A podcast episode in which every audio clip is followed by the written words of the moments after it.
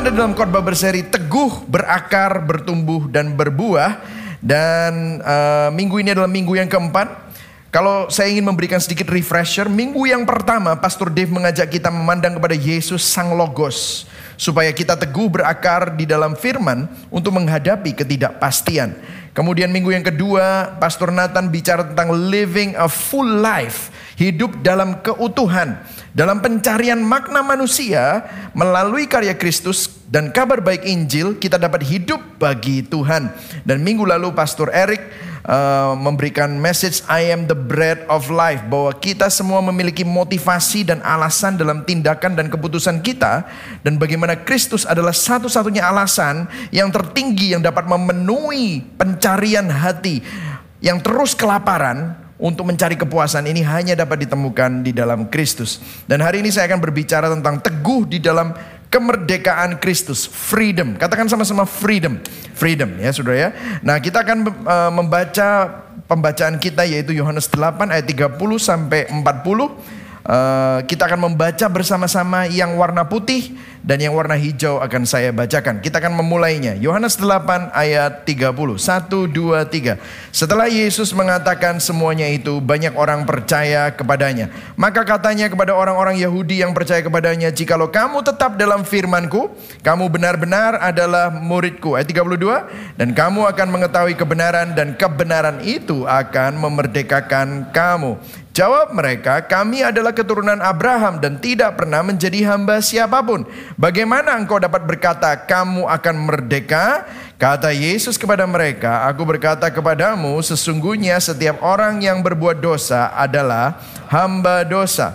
Dan hamba tidak tetap tinggal di dalam rumah, tetapi anak tetap tinggal dalam rumah. Jadi apabila anak itu memerdekakan kamu, kamu pun benar-benar merdeka. Aku tahu bahwa kamu adalah keturunan Abraham, tetapi kamu berusaha untuk membunuh aku karena firmanku tidak beroleh tempat di dalam kamu. Apa yang kulihat pada Bapa itulah yang kukatakan. Dan demikian juga kamu perbuat tentang apa yang kamu dengar dari Bapamu. Jawab mereka kepadanya, Bapa kami ialah Abraham. Kata Yesus kepada mereka, "Jikalau sekiranya kamu anak-anak Abraham, tentulah kamu mengerjakan pekerjaan yang dikerjakan oleh Abraham." Ayat 40, "Tetapi yang kamu kerjakan ialah berusaha membunuh aku, aku seorang yang mengatakan kebenaran kepadamu, yaitu kebenaran yang kudengar dari Allah, pekerjaan yang demikian tidak dikerjakan oleh Abraham." Berbagai orang yang mendengar firman Tuhan, memelihara dalam hatinya dan melakukan dalam hidupnya. Nah, saudara, waktu kita bicara tentang freedom, dalam zaman kita yang modern ini, banyak orang mempunyai definisi sendiri-sendiri. Namun, saya mau memberikan sedikit pandangan, ya, bahwa apa yang disebut ekspresi kebebasan menurut dunia, menurut mata manusia, itu bisa saja adalah perbudakan di mata Tuhan. Nah, bahkan terbalik juga begini, apa yang kita sebut perbudakan kayaknya kita dikekang menurut mata manusia. Tapi justru itu adalah kebebasan di mata Tuhan. Nah saudara setiap negara merayakan hari kemerdekaan. Hari kemerdekaan adalah di mana sebuah negara merayakan kemerdekaan politiknya. Bebas dari tirani penjajahan dan penindasan yang menindas mereka.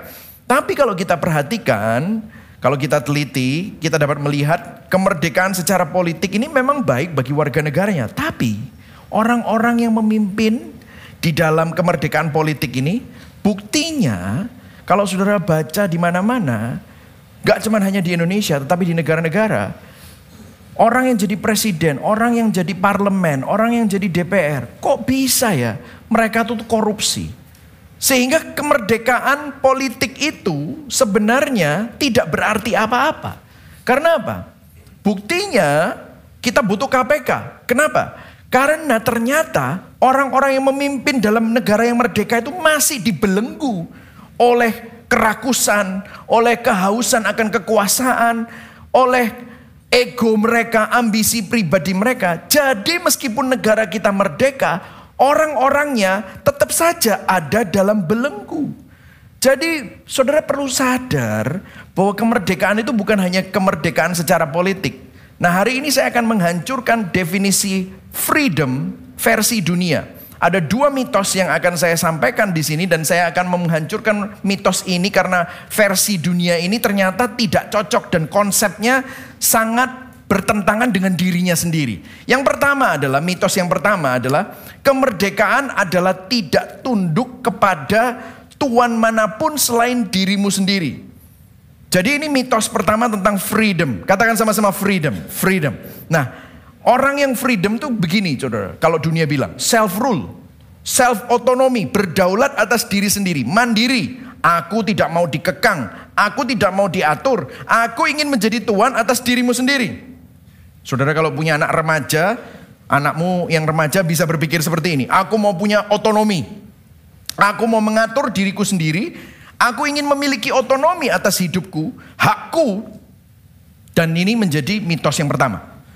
Padahal nanti kita akan bongkar. Ini sebenarnya ilusi, tidak benar. Nah ini memimpin kepada mitos yang kedua. Yang kedua adalah kemerdekaan adalah melakukan apa yang aku inginkan. Hasratku. Aku mau melakukan apa saja. Follow your desire, follow your heart, ya mau melakukan apa saja. Tetapi pertanyaannya begini, apakah ini sesuai dengan firman Tuhan? Di khotbah ini saya akan mematahkan mitos-mitos ini karena ini adalah konsep-konsep yang sangat tidak alkitabiah dan konsep yang bertentangan dengan dirinya sendiri. Maka poin saya ada tiga. Yang pertama, apa itu kemerdekaan sejati menurut firman? Yang kedua, mengapa di dalam Kristus saja, hanya di dalam Kristus kita menerima kemerdekaan yang sejati. Dan yang ketiga, bagaimana kita dapat teguh berdiri di dalam kemerdekaan Kristus. Oke, kita akan mulai yang pertama. Apa itu kemerdekaan sejati menurut firman? Yang siap belajar katakan yes. Yes, oke ya saudara ya. Kita akan belajar sama-sama. Coba kita perhatikan ayat 32. Saya akan bacakan buat saudara. Dan kamu akan mengetahui kebenaran dan kebenaran itu akan memerdekakan kamu. Jawab mereka, kami adalah keturunan Abraham. Tidak menjadi hamba siapa pun. Bagaimana engkau dapat berkata, kamu akan merdeka. Kata Yesus kepada mereka, ini menarik saudara. Kata Yesus kepada mereka, aku berkata kepadamu, sesungguhnya setiap orang yang berbuat dosa adalah hamba dosa. Nah Yesus berkata kepada orang-orang Yahudi ini, kebenaran, kalau kamu kenal kebenaran, kebenaran itu akan memerdekakan kamu. Nah orang-orang Yahudi bingung, mereka merasa mereka sedang tidak butuh dimerdekakan. Kemudian Yesus berkata, setiap orang yang berbuat dosa adalah hamba dosa. Nah ini sangat menarik. Kemerdekaan apa yang Yesus maksudkan? Kemerdekaan sejati menurut firman itu apa? Nah kita kembali ke mitos yang pertama tadi ya. Mitos yang pertama, kemerdekaan adalah tidak tunduk kepada Tuhan siapa pun selain dirimu sendiri. Nah, apakah definisi kemerdekaan seperti ini masuk akal? Coba kita lihat ya. Saya akan pakai ayat yang lain untuk menjelaskan ayat yang tadi. Firman Tuhan di 1 Petrus 2 ayat 16 berkata begini. Kita baca sama-sama ya, ayat 16 ya. 1 2 3. Hiduplah sebagai apa? Orang apa? Merdeka dan bukan seperti mereka yang menyalahgunakan kemerdekaan itu untuk menyelubungi kejahatan-kejahatan mereka. Tetapi lihat, hiduplah sebagai apa? Hamba Allah. Ini menarik Saudara. Orang merdeka Hidup sebagai orang merdeka adalah orang yang hidup sebagai hamba Allah. Loh, jadi hamba Tuhan, hamba Allah itu kan masa merdeka. Tapi firman Tuhan bilang gini, hiduplah sebagai orang merdeka. Gimana caranya? Hiduplah sebagai hamba Allah. Nah ini menarik saudara. Di Galatia 5 ayat 13 dikatakan begini. Saudara-saudara memang kamu telah dipanggil untuk apa? Merdeka. Tetapi jangan kamu mempergunakan kemerdekaan itu sebagai kesempatan untuk hidup dalam dosa, melainkan apa? Layanilah seorang akan yang lain oleh kasih. Dikatakan jadi orang yang merdeka itu melayani orang lain dengan kasih. Oh, menarik ya. Kalau kamu merdeka jangan sampai kamu merdeka untuk hidup dalam dosa. Itu bukan kemerdekaan, melakukan semaumu dan tidak punya tuan itu bukan kemerdekaan, itu perbudakan menurut itu. Menurut firman Tuhan begitu. Nah ada yang menarik di Roma 6, kalau saudara mengikuti khotbah berseri The Gospel eksposisi kitab Roma, saya pernah membahas ini di Roma 6, dikatakan begini, dikatakan begini, bear with me, nanti saya akan hancurkan mitos itu, saudara akan lihat. Apakah kamu tidak tahu bahwa apabila kamu menyerahkan dirimu kepada seseorang sebagai hamba untuk mentaatinya, kamu adalah hamba orang itu yang harus kamu taati, baik dalam dosa yang memimpin kamu kepada kematian, maupun dalam ketaatan yang memimpin kamu kepada kebenaran. Tetapi syukurlah kepada Allah, dahulu memang kamu hamba dosa. Nah, coba perhatikan di sini. Berdasarkan ayat ini, kalau kita pikir kita bebas merdeka untuk berdosa, maka sebenarnya kita terbelenggu oleh dosa yang memimpin kepada kebinasaan. Tapi kalau kita taat pada kebenaran, maka kebenaran itu akan memimpin kita merdeka untuk hidup bagi Tuhan. Nah, dulu sebelum kita kenal Kristus, kita adalah hamba dosa. Namun setelah kita kenal Kristus, kita menjadi hamba kebenaran. Jadi saudara harus sadar, di dalam dunia ini tidak ada orang yang tidak punya tuan. Saya ulang ya, di dalam dunia ini tidak ada orang yang tidak punya tuan. Hanya ada dua macam perhambaan di dalam dunia ini. Apakah saudara hamba dosa atau hamba kebenaran? Jadi ini menghancurkan mitos yang pertama Kemerdekaan sejati bukanlah hidup tanpa memiliki tuan, namun memiliki tuan yang benar. Yang setuju katakan amin. True freedom is not having no master, no, but having the right master. Karena tidak ada seorang pun yang hidup merdeka tanpa tuan. Semuanya memiliki tuan. Nah, mungkin sudah bilang, kok bisa gitu, Pastor? Well, let me explain dengan sebuah ilustrasi ya. Nah saudara saya baru-baru ini nonton film lama. Nonton film lama, nonton ulang film lama. Film lamanya itu namanya Rocky. Masih ingat? Rocky itu Rocky Balboa ya. Tata tata tata itu itu lagunya ya Saudara ya. Ya, nah saya nonton Rocky 1 sama Rocky 2. Musuhnya Rocky di situ adalah Apollo Creed. Apollo Creed itu orang hitam yang wah gede gitu ya. Dia itu juaranya. Dan Rocky pada saat itu adalah seseorang yang bukan siapa-siapa, dia adalah petinju yang uh, dalam tanda kutip nobody. Dan ada yang menarik waktu Rocky ini berusaha membuktikan dirinya, dia berjuang untuk membuktikan bahwa dia bukan seorang pecundang, tetapi dia adalah seorang champion, seorang pemenang. Ada sebuah kata-kata yang membuat saya tersenyum. Saya waktu menyiapkan khotbah ini saya jadi ingat film itu.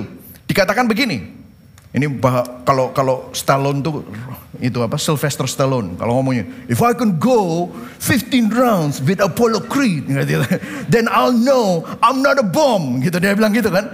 Kalau saya bisa bertarung dan bertahan 15 ronde dengan Apollo Creed maka saya akan tahu bahwa saya bukan seorang pecundang. Coba perhatikan saudara. Perkataan ini membuat saya tertawa dalam hati karena semua kita perhatikan semua kita sebenarnya seperti Rocky di dalam dunia ini. Seakan-akan setiap kita harus menjawab pertanyaan ini di dalam hati kita. Setiap kita dibelenggu dan tidak bebas. Kita dibelenggu oleh berhala pembuktian diri. Setiap kita di dalam hati kita yang terdalam akan selalu ada perkataannya Rocky. Apa yang harus aku lakukan untuk membuktikan diri bahwa aku bukan seorang pecundang. Aku seorang yang berharga. Aku seorang pemenang. Aku berarti harga diriku. Aku punya harga diri. Dan kalau kita mau jujur, kita semua hidup untuk sesuatu. Kita semua berjuang untuk sesuatu. Kenapa kita kerja keras? Kenapa kita rela berkorban, mencurahkan tenaga dan waktu untuk sesuatu? Bukankah orang kerja keras hidup Demi apa? Bisnisnya. Supaya apa? Membuktikan diri. Demi karirnya. Untuk apa? Membuktikan diri. Demi uang. Demi jabatan. Bahkan demi kenikmatan. Supaya diterima. Demi cinta. Demi kemerdekaan. Apa pun itu. Seringkali kita itu mau jadi hero-nya. Bahkan banyak orang rela menghancurkan kesehatannya, keluarganya, Demi apa? Demi teman, demi uang, demi hawa nafsu, demi seks, demi apa yang dia perjuangkan. Kenapa? Karena sesuatu itu menjadi Tuhan kita. Sesuatu itu menjadi Tuhan kita. Dan kita, saudara dan saya adalah hamba akan sesuatu. Bob Dylan dalam lagunya dibilang you're gonna have to serve somebody. Bob Dylan, kalau saya berterjemahkan, Anda harus melayani seseorang atau sesuatu. Alkitab mengatakan bahwa kita pasti memuja sesuatu. Kita pasti hidup dan berjuang untuk sesuatu. Kita pasti akan bersandar untuk sesuatu. Jika kita hidup untuk sesuatu selain Tuhan, maka sesuatu yang lain itulah yang akan menjadi Tuhan kita. Apakah itu jabatan, pengakuan, uang, keluarga, hawa nafsu, hedon, kenikmatan, ataupun teman. Mungkin Anda bilang seperti ini, oh pastor aku nggak kayak gitu. Aku tidak hidup untuk apa pun. Aku tidak hidup untuk suami, aku tidak hidup untuk istri, aku tidak hidup untuk anak-anak, aku hidup untuk diriku sendiri. Well, artinya Tuhannya orang itu adalah keegoisannya, kemandiriannya yang berpusat pada dirinya sendiri. Dia pikir itu kemerdekaan, namun sebenarnya itu adalah belenggu perbudakan. Apa yang terjadi? Dia akan memiliki berusaha, dia tidak akan pernah memiliki kepuasan yang sejati. Dia akan sendirian, tidak akan ada orang yang mau jadi temannya. Karena orang ini akan selalu egois. Dia akan ditinggalkan suaminya, istrinya, dia akan hidup dalam kesepian, dia akan ditinggalkan orang-orang yang dikasihinya. Akhirnya tuannya itu yaitu kemandiriannya, keegoisannya akan menghancurkan dirinya sendiri. Jadi saudara bisa lihat ya, kesimpulannya apa? Tidak ada seorang pun bisa berdaulat merdeka atas hidupnya. Dia pasti akan menjadi hamba akan sesuatu. Mitos nomor satu hancur. Tidak ada dari kita yang bebas dari Tuhan. Kita semua memiliki Tuhan. Pertanyaannya, siapa Tuhanmu? Siapa Tuhan kita yang sebenarnya? Kita mau jadi hamba akan sesuatu, hamba dosa, hamba atau hamba kebenaran, hambanya hawa nafsu, atau hambanya berhala atau hambanya Tuhan atau hambanya Kristus. Elizabeth Elliot berkata begini, identitas bukanlah persoalan siapa saya, tetapi saya milik siapa. Anda milik seseorang. Anda harus melayani seseorang. Dan orang itu seharusnya adalah Yesus Kristus. Yang setuju katakan amin. Jadi kalau saudara hari ini datang. Pertanyaannya yang jadi tuanmu siapa?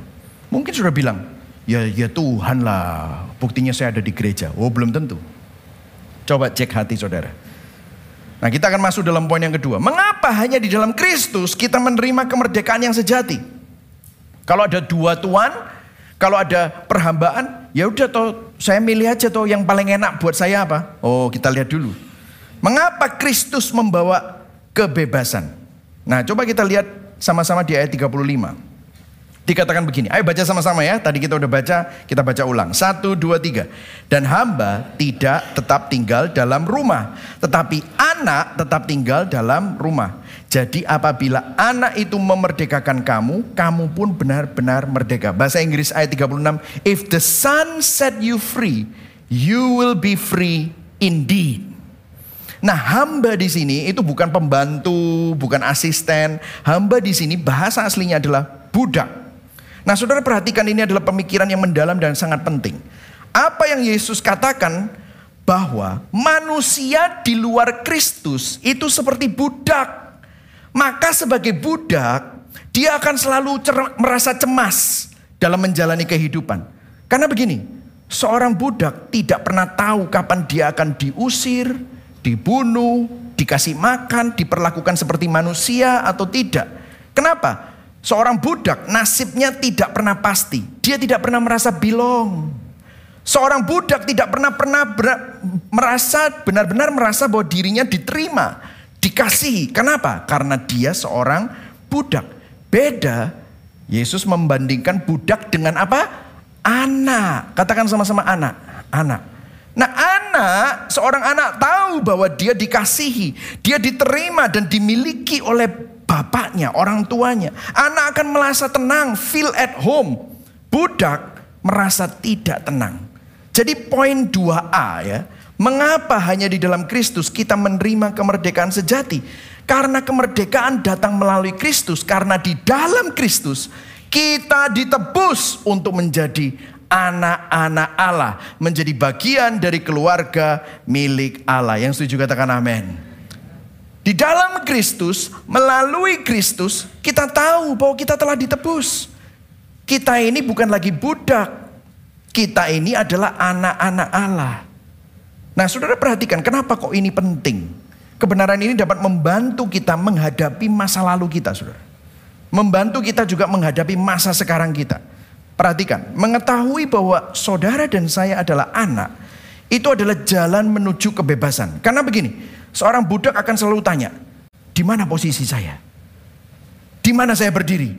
Aduh, aku ini salah apa lagi? Tapi kalau seorang anak, dia akan tenang karena dia milik bapaknya. Ada firman Tuhan di dalam Injil, di Yohanes 1 ayat 12. Kita baca sama-sama ya. 1, 2, 3. Tetapi semua orang yang menerimanya diberinya kuasa supaya menjadi apa? Anak-anak Allah, yaitu mereka yang percaya dalam namanya. Saudara yang percaya di dalam Yesus Kristus, saudara diberi kuasa untuk menjadi anak-anak Allah. Berikan tepuk tangan buat Tuhan karena itu adalah kabar terbaik. Amin, saudara. Katakan sama-sama, saya anak Allah. Pertanyaannya, saudara percaya enggak? Nah ini bedanya, ini beda sekali dengan orang yang ada di bawah hamba berhala, hamba dosa. Perhatikan saudara, berhala itu selalu mengecewakan. Saat kita diperhamba oleh sesuatu yang lain selain Tuhan, kita itu pasti disiksa. Kalau kita tidak bisa berperforma untuk memenuhi tuntutan berhala itu, kita dihukum. Saya kasih contoh. Misalnya berhala pembuktian diri seperti Rocky tadi. Atau berhala penerimaan. Kalau saudara seorang yang menjadi hamba penerimaan, maka saudara akan melakukan segala sesuatu. Kalau seorang mantu, dia akan berusaha untuk melakukan segala sesuatu untuk diterima oleh mertuanya. Kalau dia seorang istri, dia akan berusaha untuk melakukan segala sesuatu untuk diterima oleh suaminya. Kalau dia seorang anak, dia akan berusaha untuk melakukan segala sesuatu untuk diterima oleh orang tuanya. Tetapi saudara tahu, mertua, istri, suami, orang tua, itu semua manusia yang bisa mengecewakan. Apa yang kamu lakukan bisa saja tidak cukup. Dan apa yang terjadi? Pada waktu engkau gagal, berhala penerimaan itu akan menghukum saudara. Kita akan merasa tertolak, kita akan merasa terhukum, kita merasa terisolasi, terdakwa. You will feel terrible. Namun di dalam Kristus, saudara diterima bukan karena saudara mampu, bukan karena performamu, karena saudara memang gagal. Tapi karena performa Kristus yang tidak pernah gagal. Tidak peduli seberapa gagalnya kita. Tidak peduli seberapa tidak mampunya kita. Melalui Kristus kita diterima bukan karena performa saudara. Tetapi karena performa Kristus. Yang setuju katakan amin. Saudara tahu ini luar biasa. Nah ini masuk ke poin berikutnya. Kebenaran bahwa kita melalui Kristus kita diangkat anak dan menjadi bagian dari keluarga Allah, kebenaran ini membebaskan kita dari tuduhan dan dakwaan dosa masa lalu.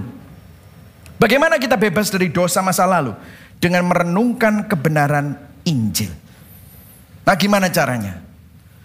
Gini ya saudara, pernah nggak saudara pernah diem-diem ya? Mungkin saudara pas lagi pagi-pagi duduk, merenung, minum kopi, Nggak usah merenung lah, merenung terlalu bagus. Ngelamun. Nah, misalnya yang lagi ngelamun gitu ya. Saya ini pernah nih, lihat ada orang gini ya, ngelamun gitu ya. Pas lagi di coffee shop gitu ya. Saya lihat ada orang ngelamun gitu. Dia kayak ngeliatin jalan. Terus tiba-tiba gini. Dia gitu. Pernah gak saudara? Nah, saya juga pernah gitu ya.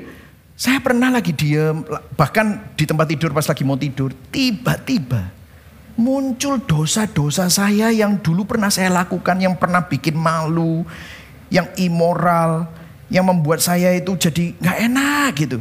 Tiba-tiba muncul, ah, itu loh kamu, kamu itu orang gagal, kamu itu orang bobrok, kamu jahat.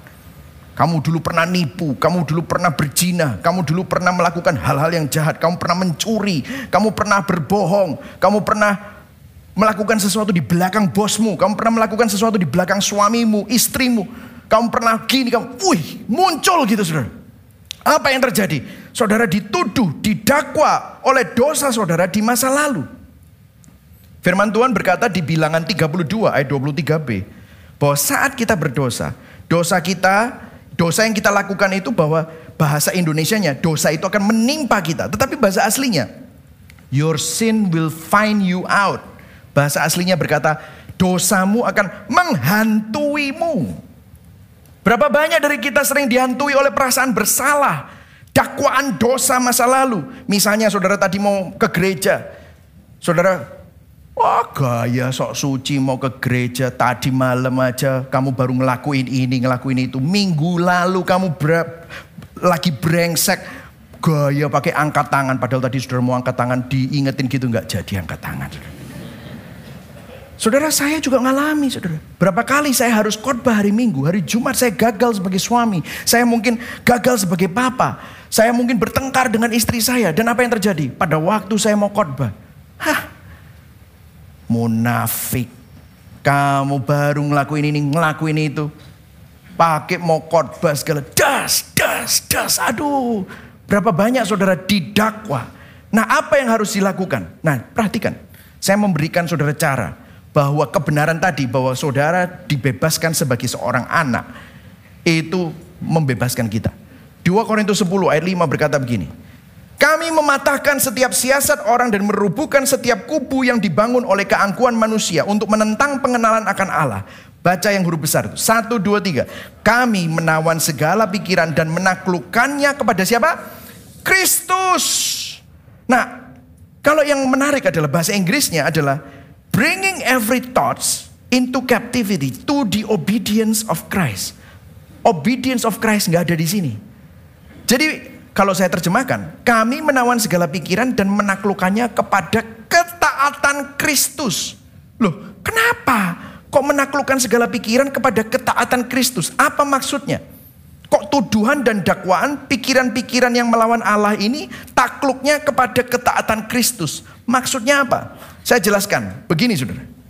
Saat dosa mendakwa dan menuduh saudara, perenungan Injil mengingatkan kita bahwa melalui ketaatan Kristus, di dalam Kristus, kita memang nggak taat, tetapi di dalam Kristus, kita yang dulunya tidak taat, kita yang dulunya pendosa, kita yang dulunya pelanggar hukum, kita ditebus dan menerima status baru sebagai anak-anak Allah. Yang setuju katakan amin. Ya memang kita gagal. Namun Kristus tidak gagal. Melalui ketaatan Kristus. Saudara dan saya ditebus. Jadi apa yang harus saudara lakukan pada saat mulai muncul dakwaan-dakwaan itu.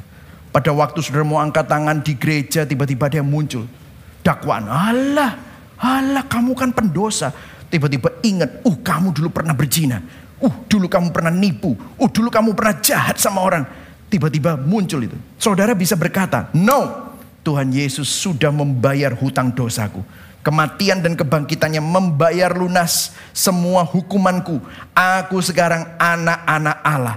Suara neraka, suara iblis yang mencemooh, yang menuduh dan mendakwa. Yesus sudah menang. Itulah sebabnya aku lebih daripada pemenang dan mengalahkan segala dosa-dosa. Yang setuju katakan amin. Itu yang harus kita katakan sehingga hati nurani kita dapat jernih. Saudara, ini yang menjadi kekuatan buat kita. Nah, kebenaran ini membuat kita dapat mengalahkan dosa masa lalu. Nah, kebenaran ini juga selanjutnya membebaskan kita untuk sekarang hidup bagi Tuhan. Sekarang saudara tidak lagi hidup sebagai hamba dosa, namun sekarang kita hidup sebagai hamba kebenaran bagi Tuhan. Nah ini saya kasih sedikit ilustrasi ya. Karena begini, uh, ini akan mematahkan mitos nomor dua, yaitu ya ini kebenaran ini akan mematahkan mitos nomor dua, yaitu mitos nomor dua apa? Kemerdekaan adalah melakukan apa yang kau inginkan, apa yang kau hasratkan. Ya, freedom is doing what you want atau what I desire to do. Nah, ini mematahkan mitos itu. Coba kalau saudara perhatikan, Konsep ini membingungkan dan tidak konsisten. Karena apa? Keinginan dan hasrat hati manusia sudah tercemari dosa. Jadi gini, di dalam hati saudara, di dalam hati saudara, itu apa yang baik, apa yang benar dan apa yang mulia, itu tercampur-campur dengan hati kita, di dalam hati kita, dengan apa yang jahat, berdosa dan memalukan. Saya kasih contoh ya. Mulai yang enteng dulu ya, mulai yang enteng dulu. Kita mempunyai hasrat yang sering kali bertentangan satu dengan yang lain, tercampur aduk. Jadi kalau saudara bilang, aku mau melakukan apa yang aku inginkan. Nanti saudara bingung. Apa yang kamu inginkan? Nah, nanti saya saya kasih saya kasih contoh. Misalnya, saya tulis beberapa ini. Saya ingin memiliki jantung yang sehat. Saya ingin memiliki hidup sehat. Saya tidak ingin mati muda karena gagal jantung. Tapi, nah ini tapinya. Saya suka babi. Saya suka makan lemak-lemak. Saya suka sekali makan jeroan. Saya suka sekali makan yang dimasak-masak sama mentega. Tambah kayak mentega tambah enak. Nah, apa yang terjadi? Saya ingin hidup sehat, saya ingin punya jantung sehat, saya ingin umur panjang. Tapi apa yang terjadi? Keinginan saya yang lain, saya ingin makan gorengan, saya ingin makan lemak-lemak, saya ingin makan babi-babi, saya ingin makanan yang banyak menteganya. Apa yang terjadi? Keinginan saya tabrakan, saudara. Saya ingin memiliki stamina, saya ingin hidup sehat, tidak banyak kadar lemak di dalam tubuh saya. Tapi saya nggak suka olahraga. Senengannya lele-lele nonton Netflix. Senengannya nyemil keripik dan makan es krim. Nah, itu bahasa Surabaya ngomongnya es krim itu es krim gitu saudara. Apa yang terjadi? Bertentangan. Nah mitos tadi yang katakan kebebasan adalah melakukan apa yang aku inginkan. Nah apa yang kamu inginkan? Hidup sehat atau makan jeroan? Bingung kan? Nah jadi dalam kasus ini kebebasan bukanlah melakukan apa yang sebenarnya ingin saya saudara lakukan, tetapi melakukan keinginan-keinginan yang sesuai dan yang sejalan atau baik untuk tubuh saudara. Kadang saudara harus melakukan sesuatu yang saudara nggak suka. Saudara makan sayur, aku nggak suka makan sayur. Tapi sekarang saya belajar untuk menyukainya. Kenapa? Karena itu baik untuk aku dan sehat untuk aku. Saudara lihat keinginan saudara sering kali bertabrakan. Oke, itu bagian makan. Oke, saya bawa lebih dalam. Saya ketemu dalam konseling-konseling dengan orang-orang yang mengalami kasus perselingkuhan, kasus perjinahan.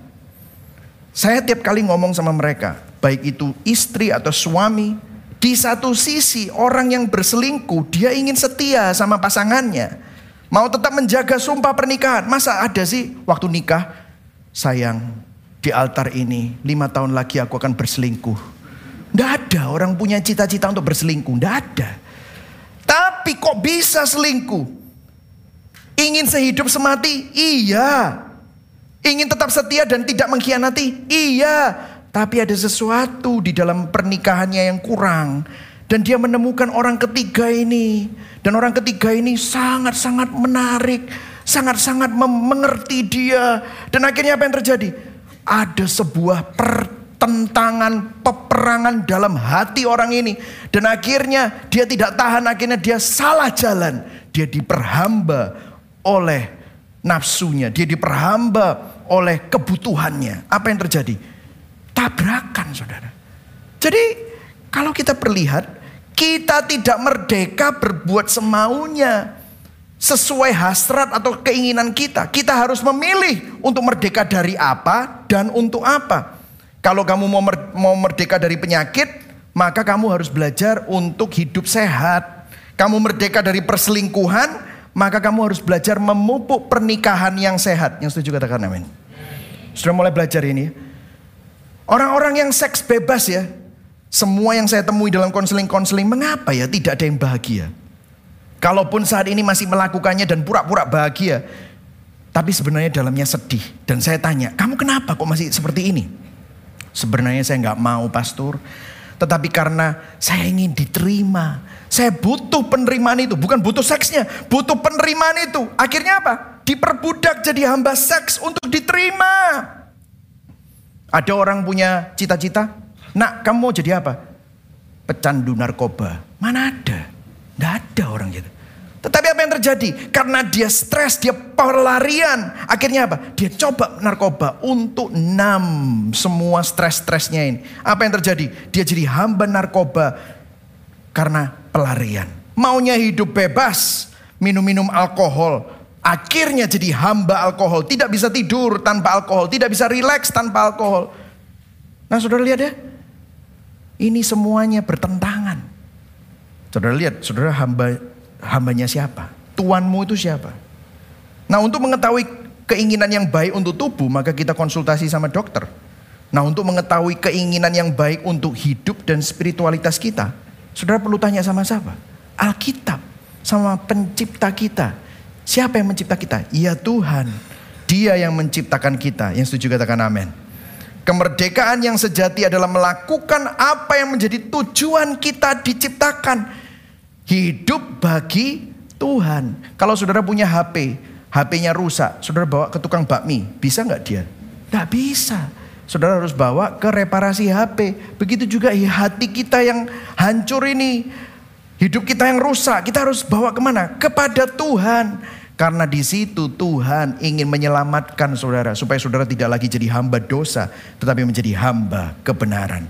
Roma 11 ayat 36. Ayo baca itu di yang bawah itu. 1 2 3. Allah yang menciptakan segala sesuatu semuanya berasal dari Allah dan adalah untuk Allah. Terpujilah Allah untuk selama-lamanya. Katekismus West singkat Westminster pertanyaan yang pertama, apakah tujuan hidup manusia? Jawabannya, tujuan utama hidup manusia ialah baca sama-sama, memuliakan Allah dan menikmati Dia untuk selama-lamanya. Dengar saudara, Kristus memerdekakan saudara untuk saudara dapat kembali ke desain asal, original desain. Kita yang sudah rusak ditebus, dijadikan baru, diangkat anak, didamaikan untuk kembali hidup bagi kemuliaan Allah. Itu yang Kristus lakukan. Yang setuju berikan tepuk tangan buat Tuhan Yesus, sorak-sorak yang paling meriah.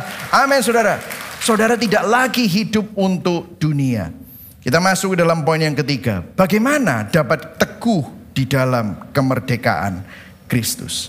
Nah kalau sudah perhatikan di Yohanes 8 ayat 31b sampai ayat 32 dikatakan begini. Jikalau kamu tetap dalam firmanku, kamu benar-benar adalah muridku. Dan kamu akan mengetahui kebenaran dan kebenaran itu akan memerdekakan kamu. Nah, saudara ada kata-kata di sini kalau kamu tetap dalam firmanku. Maksudnya apa? Baca firman, merenungkan firman, melakukan firman. Kamu adalah muridku. Sekali lagi bukan jemaatku. Bukan pengikutku biasa. Tapi muridku. Katakan sama-sama murid. Murid ya. Dan kamu akan mengetahui kebenaran. Bahasa mengetahui itu mengenal kebenaran. Dan kebenaran itu akan memerdekakan kamu. Nah saudara, apa yang Yesus katakan di sini? Yesus sedang mengajarkan prinsip disiplin rohani. Nah, disiplin rohani ini bukan supaya saudara diterima. Disiplin rohani ini bukan untuk meraih status sama Tuhan, perkenanan Tuhan gitu, bukan. Saudara sudah diterima. Saudara sudah diselamatkan. Saudara adalah anak Allah. Namun disiplin rohani di sini adalah sarana supaya kita belajar untuk menghidupi status kita yang baru itu. Kita belajar untuk hidup sebagai orang yang sudah diterima. Kita belajar untuk hidup sebagai orang yang sudah diselamatkan. Seharusnya anak Allah itu kelakuannya seperti ini. Seharusnya seorang yang sudah diterima itu tidak lagi cari penerimaan. Itulah sebabnya kita perlu disiplin rohani. Saudara, freedom comes from discipline. Kemerdekaan itu datangnya dari disiplin. Mungkin saudara bilang, wah masa sih? Oke, saya kasih contoh ya. Saya kasih contoh. Dulu waktu saya di Los Angeles, saya kan pastor di sana. Los Angeles itu adalah kota internasional saudara. Di sana itu melting pot. Banyak sekali orang dari berbagai latar belakang, berbagai negara, berbagai benua itu ada di sana. Kalau saudara ke Thai Town, orangnya bahasa Thai semua. Saudara ke Chinatown, bahasa Chinese semua. Saudara pergi ke Japan Town, banyak orang Japan. Banyak Korean Town, orang Korea. Dulu saya punya salah satu jemaat bisa ngomong lima bahasa. Dia bisa ngomong bahasa Indonesia, dia bisa ngomong bahasa Inggris, dia bisa ngomong bahasa Chinese, dia bisa bahasa Cantonese, dia bisa bahasa Spanish. Wah luar biasa. Jadi kalau dia ketemu sama uh, orang Latino, Jose Amigo, wah dia bisa ngomong Spanish. Wah luar biasa. Dia ketemu sama orang Hong Kong ngomong Cantonese, luar biasa. Saya sampai, man hebat banget nih orang ya. Ngomong orang Taiwan bisa ngomong Chinese. Sama orang Indonesia bisa ngomong Indonesia. Sama orang Surabaya bisa ngomong Jawa. Wah luar biasa. Ngomong Inggris bisa ngomong Inggris. Sama orang putih ngomong Inggris. Saya sebenarnya kamu hebat banget ya. Saya tuh pengen belajar. Saya pernah ambil dua semester Chinese. Waduh mumetnya setengah mati saudara. Wah latihannya saya nggak bisa. Dia tuh bisa baca surat kabar Chinese. Saya tanya, kamu berapa tahun belajar? Sumur hidup saya belajar berbagai macam bahasa. Sekarang saya lagi belajar Perancis. Gila. Saudara lihat, dia punya kebebasan untuk berbagai macam bahasa. Tapi saya tanya, kamu gini nih gimana? Oh ya berjam-jam sih. Saya berjam-jam belajar karakternya. Saya sekarang lagi belajar karakter Korea. Saya belajar bahasa-bahasanya, saya dengerin orang ngomong, saya melakukannya berapa jam sehari? Oh berjam-jam, berapa tahun? Oh saya belajar bahasa itu maybe 5-6 tahun, 7 tahun mungkin. Saudara lihat, disiplin akhirnya akan membawa kemerdekaan. Benar gak saudara? Saya lihat orang main piano ya. Saya ngeliat gila, kok keren banget, tak coba. Wangil ya saudara. Kok bisa? Saya tanya, berapa lama latihan? Tiap hari latihan. Ada, saya punya uh, teman yang majornya, majornya, jurusannya, sekolahnya, piano. Sehari latihan berapa? 8 jam. Uh. Tapi waktu setelah dia disiplin, apa yang terjadi? Dia mempunyai kemerdekaan pada waktu dia main piano. Nah saudara, ada orang sangat obses. Obsesinya apa? Obsesinya investasi saham. Dia belajar, bacain profil ke keuangan, dia profil perusahaan untuk invest di tempat yang tepat.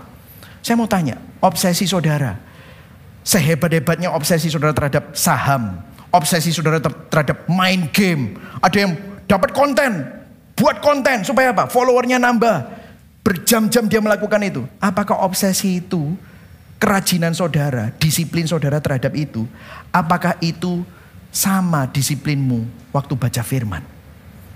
Waktu kenal Tuhan. Tuhan yang sudah mati buat engkau. Tuhan yang kekal nanti kalau kita mati di dalam dunia ini. Saudara akan ketemu dia. Saudara kenal dia nggak? Itulah sebabnya Saudara, kita ini disuruh disiplin rohani. Disiplin rohani itu ya baca firman, merenungkan firman, berdiskusi firman bersama-sama dengan care group, saling mendoakan, belajar berdoa. Kita tidak pernah melakukan ini tapi berharap merdeka mengenal Tuhan. Tidak bisa saudara. Ini dikatakan orang-orang ini dikatakan, kalau kamu tetap dalam firmanku, kamu adalah muridku. Kalau kamu kenal kebenaran, kebenaran itu akan memerdekakan kamu. Yang setuju katakan amin. Buah roh, kasih, sukacita, damai sejahtera, kesabaran, kemurahan, kebaikan, kesetiaan, kelemah lembutan, penguasaan diri. Itu sudah ada dalam hati kita. Hidup kita sudah ada kalau sudah di dalam Kristus. Tapi belum keluar. Saya kasih contoh ya. Orang yang kurus sama orang yang berotot. Saya tanya, komposisi ototnya sama nggak? Lu boleh dijawab. Komposisi ototnya sama nggak? Sama. Apakah yang kurus belum punya otot? Terus yang berotot tiba-tiba ada ototnya setelah dia angkat besi? Enggak. Sama-sama. Yang satunya tidak dilatih. Yang ini dilatih. Yang satunya tidak disiplin dalam membangun otot. Yang ini disiplin dalam membangun otot. Jadi tiba-tiba waktu harus ngangkat koper, harus ngangkat apa-apa, kuat yang satunya, aduh aduh kesleo. Hacing kecetit gitu saudara. Lu iya loh, saya punya teman hacing kecetit. Saya punya teman awe-awe kesleo saudara. awe-awe kesleo. Ototnya nggak dilatih, apa yang terjadi? Ya gampang kesleo, kecetit. Iman saudara perlu nggak dilatih? Ya perlu. Kalau nggak, hopeless. Oh aku nggak mau lah Tuhan-Tuhanan, aku putus asa, mau bunuh diri. What happened? Padahal kamu anak Allah. Kenapa? Tidak pernah dilatih. Jadi dalam hidup kita, kita perlu tetap dalam firmanku. Kamu akan mengenal kebenaran dan kebenaran itu akan memerdekakan kamu. Obsesi saudara terhadap saham, obsesi saudara terhadap sosial media, obsesi saudara terhadap main game, obsesi saudara terhadap ngurusin bisnis, setara nggak dengan kerajinan kita untuk baca firman, merenungkan Injil dan mengenal Kristus yang sudah mengasihimu. Kalau saya bisa kalimatkan Yohanes 8 ayat 31 dan 32 ini seperti ini saudara. Kita dapat teguh dalam kemerdekaan Kristus saat kita menjadi murid yang senantiasa merenungkan firman. Menghidupi kebenaran Injil Kristus saudara. Itulah sebabnya kita selalu mengajak saudara untuk ikut APS. Kenapa? Banyak orang tidak tahu uh, doktrin dasar Kristen. Hanya Kristen abang-abal. Akhirnya apa? Ya imannya gampang goyah. Saudara hidup sebagai orang Kristen sendiri, gak punya komunitas, gimana saudara kuat? Itulah sebabnya kita ingin saudara-saudara bergabung di dalam care group. Itulah sebabnya di app, Gibeon app, ada renungan harian. Ada bacaan Alkitab setiap hari. Dan by the way, bacaan Alkitab setiap hari itu ada pertanyaan kalibrasinya karena setiap minggu renungan kita itu setiap hari renungan kita itu dibawa kepada Kristus dan salib. Saudara hati-hati sekarang baca renungan. Kadang-kadang baca renungan gak ada Kristusnya. Akhirnya apa? Jadi self-help. Akhirnya jadi word of faith. Itulah sebabnya kita harus memandang Kristus senantiasa. Memandang salib senantiasa. Saya kasih contoh ya, ada pertanyaan perenungan setiap hari di renungan Gibeon ini ya. Pola pikir apa yang perlu saya rubah setelah saya membaca ayat ini dan renungan ini?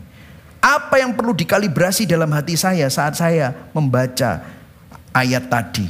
Apa yang bisa saya terapkan hari ini? Kemudian saudara renungkan, saudara doa. Itulah sebabnya saya sampai nulis Gospel Wisdom 52 refleksi Injil. Kenapa? Karena saya ingin setiap minggu saudara punya disiplin rohani. Supaya apa? Saudara bisa mengenal Allah. Otot imanmu itu keluar.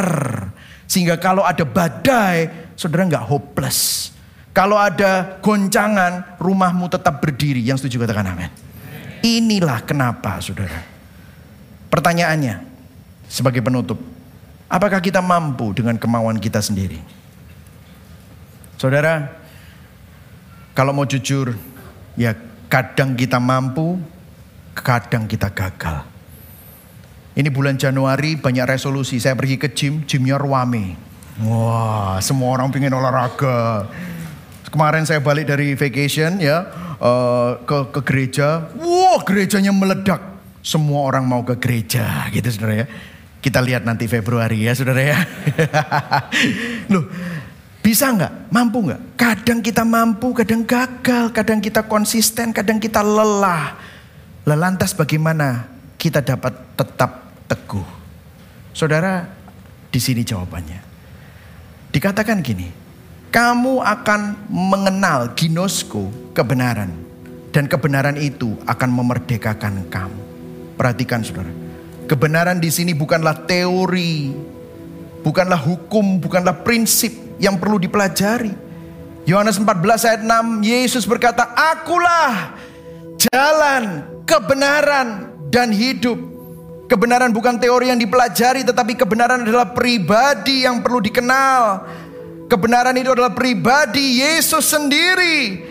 Allah tidak hanya memberikan hukum-hukumnya, Allah tidak hanya memberikan perintah-perintahnya, Allah tidak hanya memberikan Alkitab, namun karena begitu besar kasih Allah akan dunia ini, sehingga Dia mengaruniakan anaknya yang tunggal, supaya barang siapa percaya kepadanya tidak binasa, melainkan beroleh hidup yang kekal. Kebenaran itu adalah Yesus Kristus sendiri. Bagaimana saudara yang tidak konsisten ini belajar untuk teguh? Saudara pandang Yesus. Kenali pribadi Yesus sang kebenaran yang memerdekakan ini. Ibrani 12 ayat 2 berkata, "Marilah kita melakukannya dengan mata yang tertuju kepada Yesus yang memimpin kita dalam iman dan yang membawa iman kita itu kepada kesempurnaan." Yang dengan mengabaikan kehinaan, tekun memikul salib, ganti sukacita yang disediakan bagi dia yang sekarang duduk di sebelah kanan tahta Allah. Saudara dengar, Yesus tidak harus menjalani salib, namun dengan penuh ketabahan, penuh keteguhan, penuh disiplin, Yesus menjalani salib Pergumulan Yesus terlihat di Taman Getsemani pada waktu dia berdoa berpeluh darah di Matius 26 ayat 39 dia berkata, "Bapa, sekiranya mungkin cawan ini berlalu, Namun bukan kehendakku. Karena kalau menurut kehendaknya dia pada waktu itu dia nggak kuat. Begitu berat namun bukan kehendakku. Namun kehendakmu yang jadi.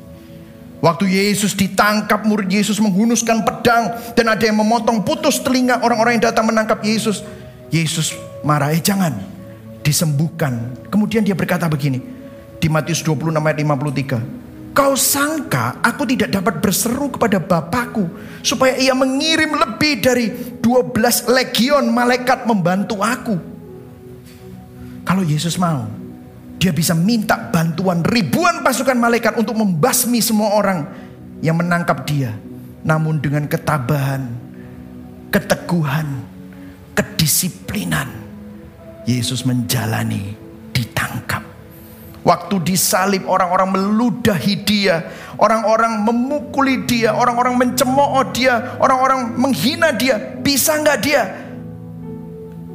Itu tiba-tiba pakunya keluar, cedas, Cedas seperti film-film gitu. Terus salto, bisa nggak? Bisa. Tapi dia enggak. Apa yang dia katakan? Bapak, ampuni mereka. Karena mereka tidak tahu apa yang mereka lakukan. Dengan penuh ketabahan Yesus melakukan itu. Dengan penuh kedisiplinan. Dia tidak menunjukkan kekuatannya. Tapi dia menjalani salib. Di salib Yesus memperagakan kedisiplinan ilahi yang sempurna dengan setia melaksanakan rancangan penebusan Bapa buat saudara dan saya. Yang termulia rela menjadi yang hina, yang tak terbatas, rela menjadi terbatas, yang terkuat, rela menjadi lemah, yang sumber berkat, sang sumber berkat, rela menjadi kutuk, yang kudus dan tidak mengenal dosa, rela menjadi dosa. Dialah pahlawan kita. Dialah kekuatan kita. Pandang dia. Saat kita mulai lupa, renungkan itu. Pandang karyanya. Ingat akan kebaikannya. Dan saudara tahu sekarang Yesus tinggal di dalam kita melalui roh kudusnya. Dia menyertai saudara. Amin. Di dalam Kristus status saudara siapa? Anak. Katakan sama-sama, saya anak Allah. Identitas saudara, aman. Kemerdekaan saudara pasti. Baca sama-sama Galatia 5 ayat 1. 1, 2, 3. Supaya kita sungguh-sungguh merdeka. Kristus telah memerdekakan kita. Karena itu berdirilah teguh. Dan jangan mau lagi dikenakan kuk perhambaan. Status saudara adalah anak. Hari ini saudara anak Allah. Maka saudara adalah hamba Allah. Pertanyaan reflektif. Apa yang saudara kejar? Apa yang saudara perjuangkan? Karena apa pun itu kalau bukan Tuhan, itu jadi tuanmu. Apakah saudara hidup buat Tuhan? Atau semua yang kita kejar adalah kefanaan? Apakah kita masih dibelenggu dan terjebak oleh dakwaan dan tuduhan dosa? Sudah nggak saudara merenungkan Injil? Bahwa kita sudah ditebus diterima, kita terima status baru sebagai anak-anak Allah. Apakah kita masih mengikuti keinginan natur dosa kita? Atau kita sudah menerapkan disiplin rohani? Membiasakan keinginan hati kita dikalibrasi oleh kebenaran Injil. Pandang kepada Yesus. Hari ini sama-sama kita bertobat. Dari hidup yang diperhamba oleh hasrat dan keinginan hati kita yang penuh kefanaan dan dosa. Mari sama-sama arahkan pada Kristus. Renungkan Injil karena hanya di dalam Dia kita dimerdekakan, kita ditebus dan kita menerima status baru sebagai anak-anak Allah. Amin, Saudara. Mari sama-sama kita bangkit berdiri. Sebelum kita menaikkan lagu Christ is our hope in life and death. Karena Injil, kita tidak lagi diperhamba oleh keinginan dunia ini, namun kita hidup bagi Tuhan di dalam Kristus. Yang setuju katakan amin. Karena Injil kita tidak lagi dituduh dan didakwa oleh dosa masa lalu. Namun dapat hidup bebas dalam status yang baru. Sebagai apa? Anak-anak Allah. Katakan sama-sama saya anak Allah. Disiplin rohani bukan untuk mendapatkan Tuhan. Namun sarana anugerah untuk mengenal Tuhan. Yang sudah apa? Menerima dan memiliki saudara dan saya. Berikan tepuk tangan buat Tuhan. Amin saudara.